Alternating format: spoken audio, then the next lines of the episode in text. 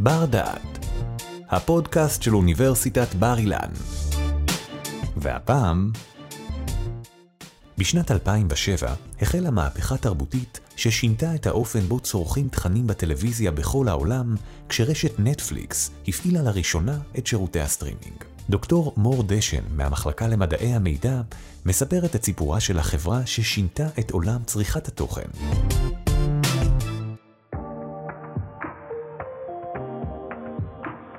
שלום וברוכים הבאים לבר דעת.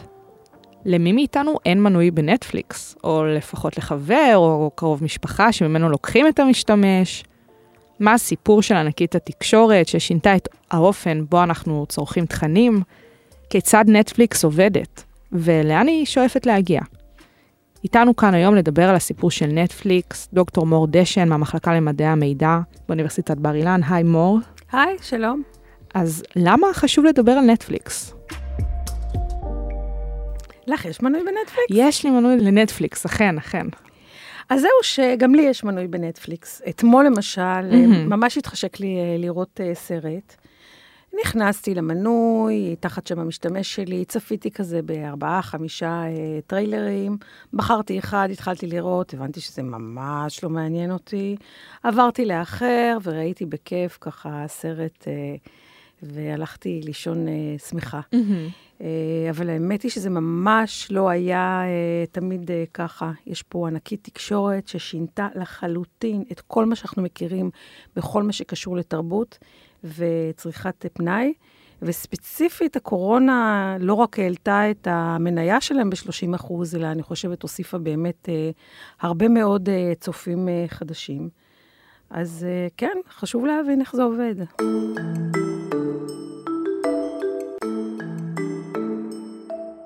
איך הסיפור של נטפליקס התחיל?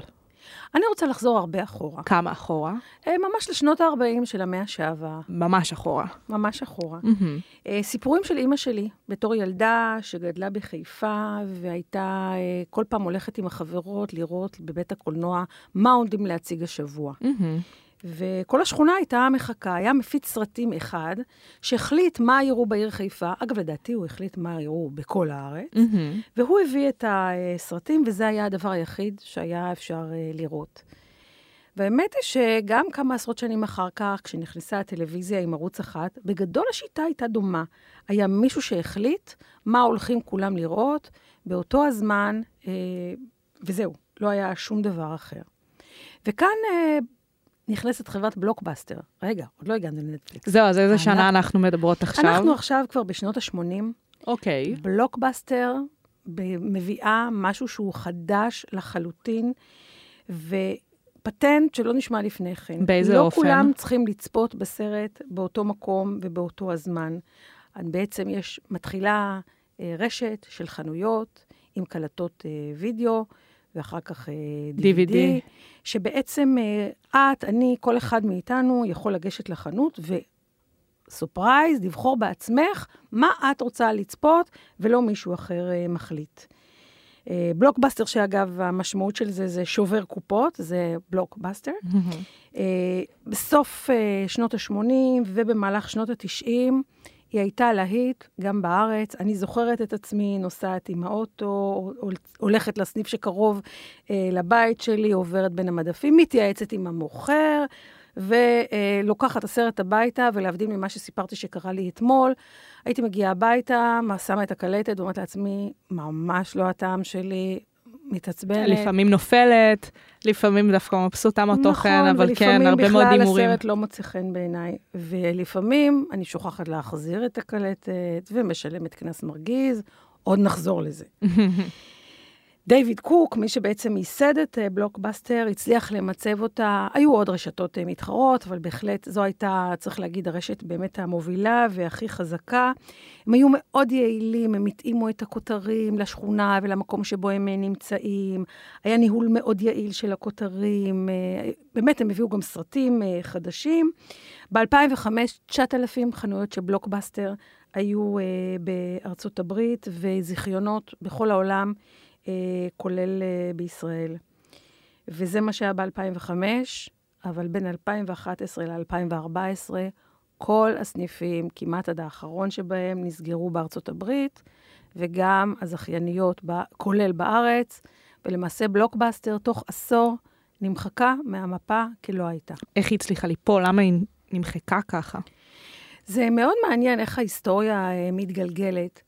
למעשה, אירוע מאוד קטן ומאוד איזוטרי עשה אה, שינוי אה, דרמטי. Mm-hmm. ריד הייסטינגס, שבסופו של דבר אנחנו כבר יודעים שהוא זה שייסד את נטפליקס, הוא יזם שבדיוק עשה איזשהו אקזיט אה, עם איזה חברת אה, תוכנה קטנה, ולרוע מזלה של בלוקבאסטר, בסניף הקרוב למקום מגוריו, הוא השאיל את הסרט אפולו 13. באמת, באמת, tough luck, מזל רע. הוא שכח להחזיר את הסרט. אחרי כמה ימים טובים הוא הזיז את הניירות על השולחן, ראה את הסרט, רץ לחנות, כל תחנוניו לא עזרו. 40 דולר, הכי לא כדאיים שבלוקבאסטר אי פעם... דרשו לקבל. דרשו לקבל. הוא פשוט אה, יצא מה, מהסניף ו, ואמר, לא יכול להיות שחברה מתבסס, מבססת את המודל הכלכלי שלה על זה שהלקוחות ישכחו להחזיר את הסרטים. זאת אומרת, העניין הזה של לשלם קנס היה חלק מהמודל הכלכלי של בלוקבאסטר? תראי, איך שאנחנו מדברים על זה, אני מרגישה שאני מתחילה להתעצבן, כי אני ממש זוכרת את עצמי. יש לך חוויות. היה לסניף, שפשוט נשאר לי בתיק הסרט ארבעה ימים, והלכו ארבעה סרטים, פשוט הלכו ארבעה סרטים, וכל תחנוניי לא עוזרים. חלק מההכנסות של בלוקבאסטר, חד משמעי, היו על זה ש...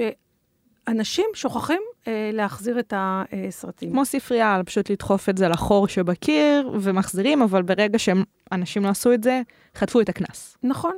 ובעוד שאני הלכתי הביתה ורק התרגזתי, ריד הייסטינגס היה הרבה הרבה יותר יוזמתי ממני, וכל השאר היסטוריה.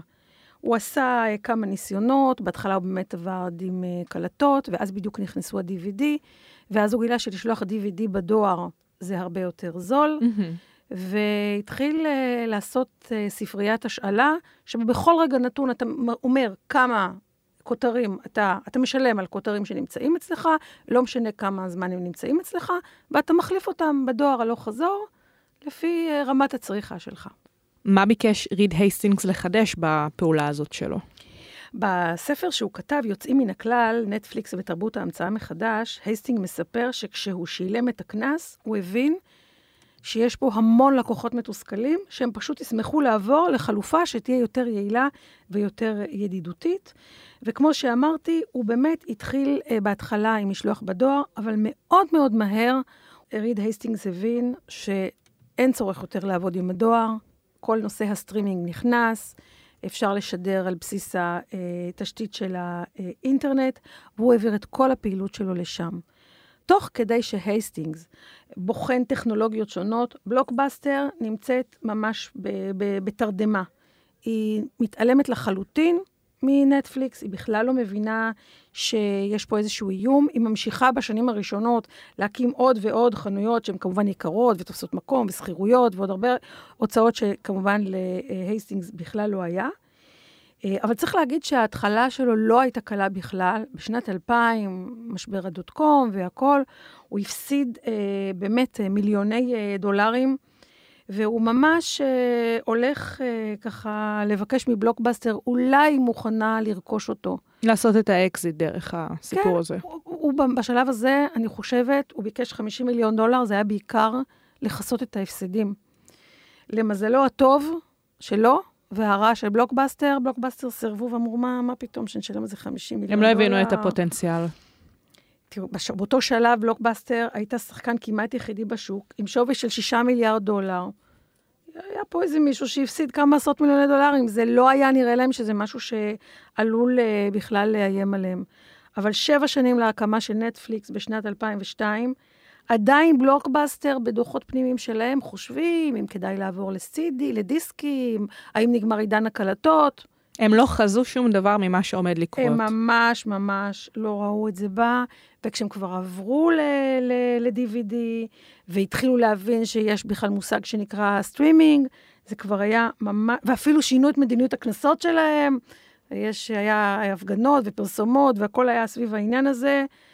הם היו מאוד באיחור מאוד לאט, וב-2010 הם פשוט הכריזו על פשיטת רגל, ותוך שלוש שנים כמו שאמרתי, כל החנויות שלהם נסגרו.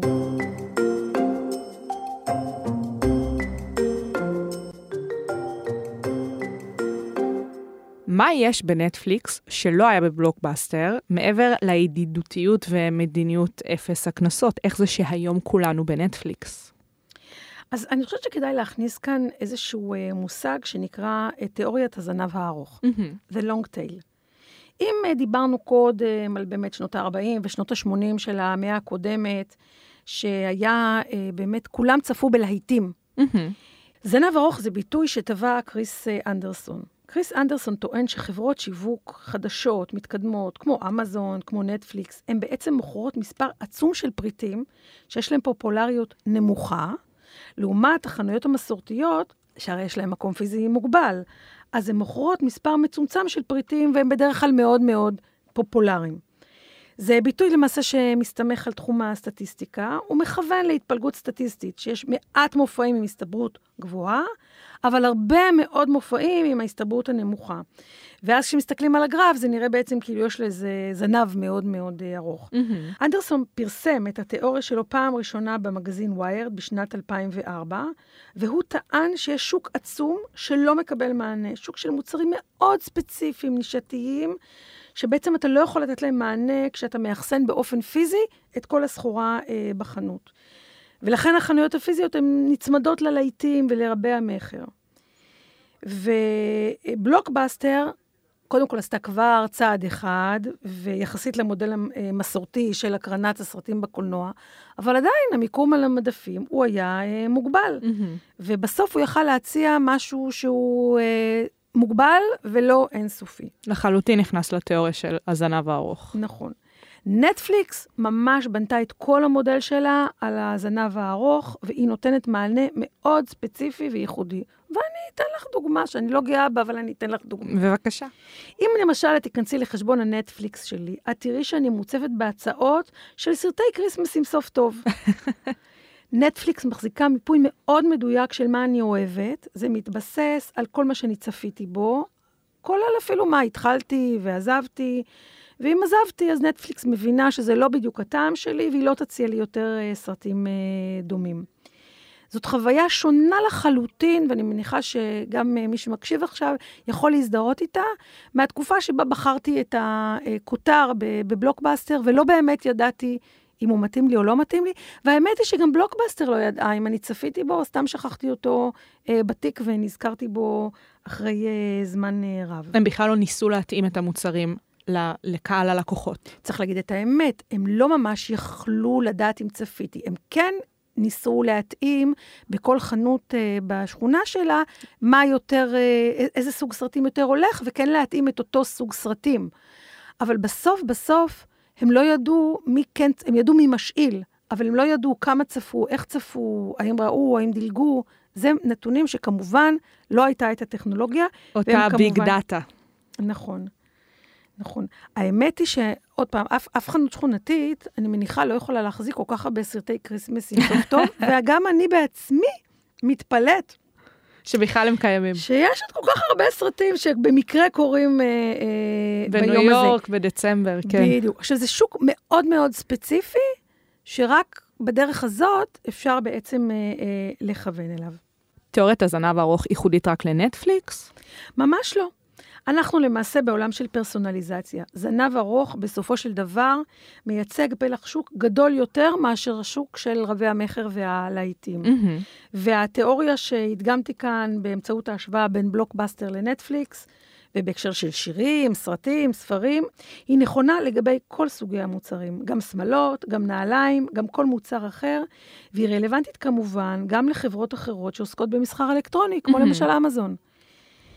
להבדיל מהשיטה הקמעונאית הרגילה, שאנחנו רגילים אליה מחנויות, בשיטת הזנב הארוך, אנחנו ממש יכולים לכוון לטעם האישי של כל אחד ואחת.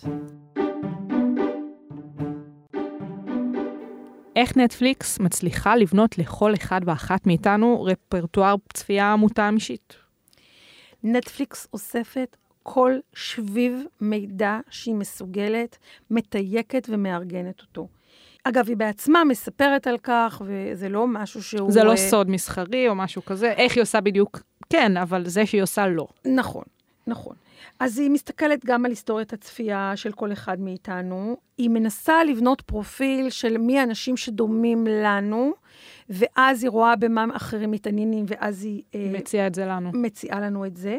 יש לה בכלל את הכותרים, היא מחלקת, והם כנראה ממוינים אצלה בהמון המון אה, אה, תתי... אה, כן, הרבה טאגים כאלה. המון טאגים של שחקנים, של עונות, של נושאים, של מקומות, ו- ומנסה לחפש את ה patterns, באמת את התבנית אה, שלפיה הצופים אה, מסתכלים. יש גם הרבה עניין של שעות אה, צפייה טיפוסיות, כמה, אה, מי רואה פרק-פרק, מי רואה הכל בבת אחת, מי מדלג, על מה מדלג. יש פה, אני חושבת, פעם ראשונה, זה, זה, באמת, זה, זה באמת סוג של האח הגדול. אה, כולל יכולת להסיק מסקנות גם עלינו וגם על כולם.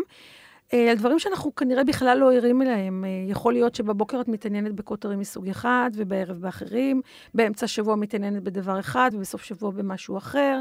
יכול להיות שספציפית כשמגיע שיר את מדלגת עליו, יכול להיות שמישהו אחר כשמגיע שיר הוא חוזר ושומע אותו עוד פעם. באמת המון המון היבטים.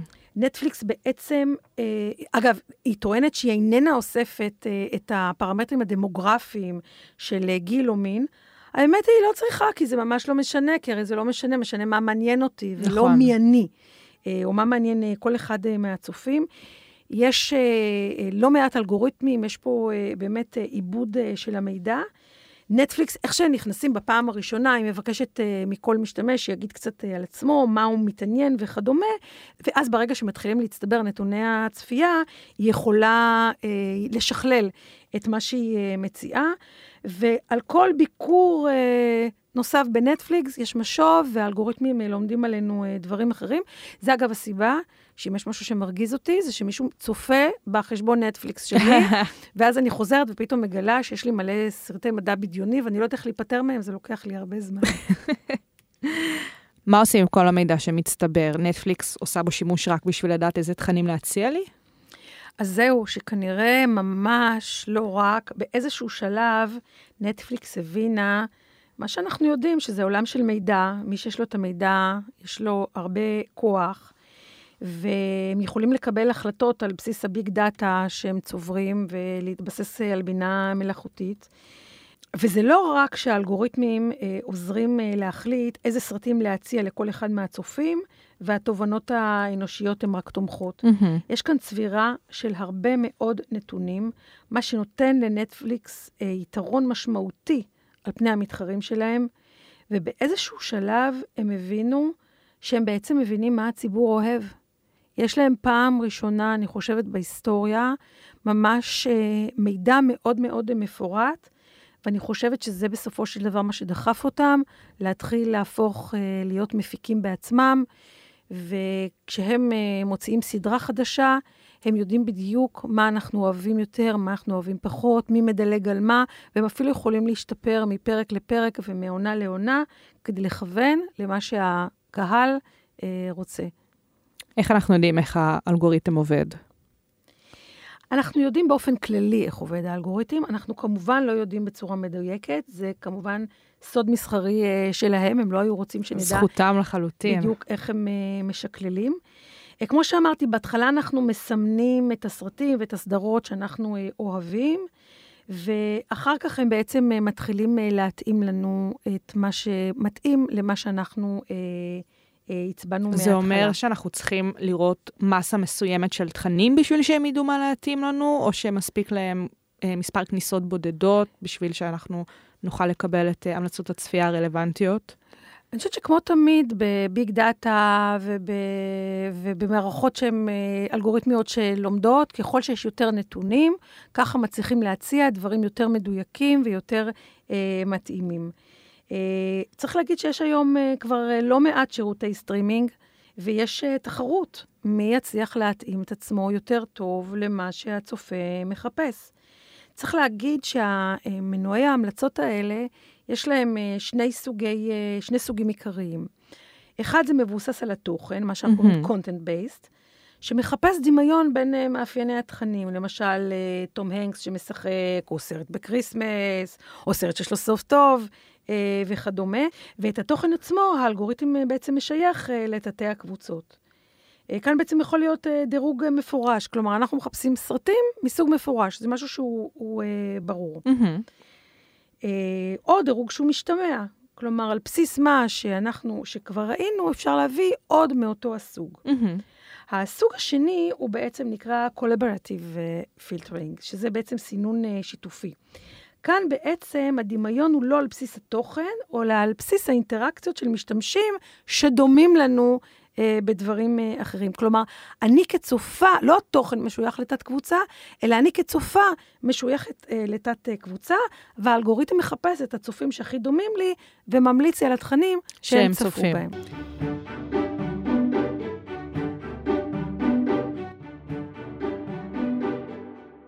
מה צופן העתיד לנטפליקס? ריד הייסטינגס, שייסד את החברה ב-1997 יחד עם מרק רנדולף, עדיין הוא מנכ"ל עמוק לתוך אה, אה, שנות ה-20, עם שווי שוק של מעל ל-230 אה, מיליארד דולר, אגב, זה בערך מחצית מהתקציב של מדינת אה, ישראל, עם איזה 7,000 אה, עובדים. ברגע זה ממש, לא מעט שנים אחרי שנטפליקס הצליחה לפרוץ ברמה העולמית, אגב, בישראל היא בסך הכל מ-2016, כן.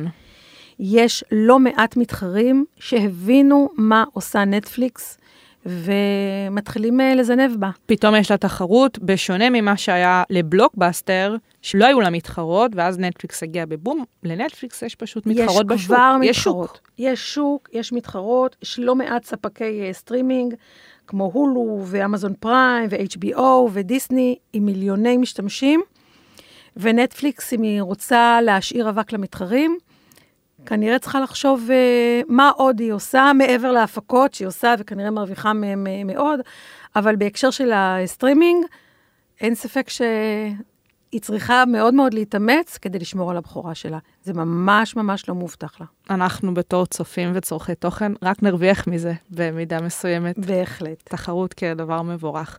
דוקטור מור דשן, המון תודה לך. תודה. תודה שהאזנתם לבר דעת. מיטב המרצים והחוקרים של בר אילן בחרו עבורכם את הנושאים המסקרנים ביותר מתחום התמחותם. התוצאה? ספריית פודקאסטים משובחת שכולה זמינה לרשותכם. בר אילן, משפיעים על המחר, היום. ערכה והפיקה שי קלוט. תודה על ההאזנה.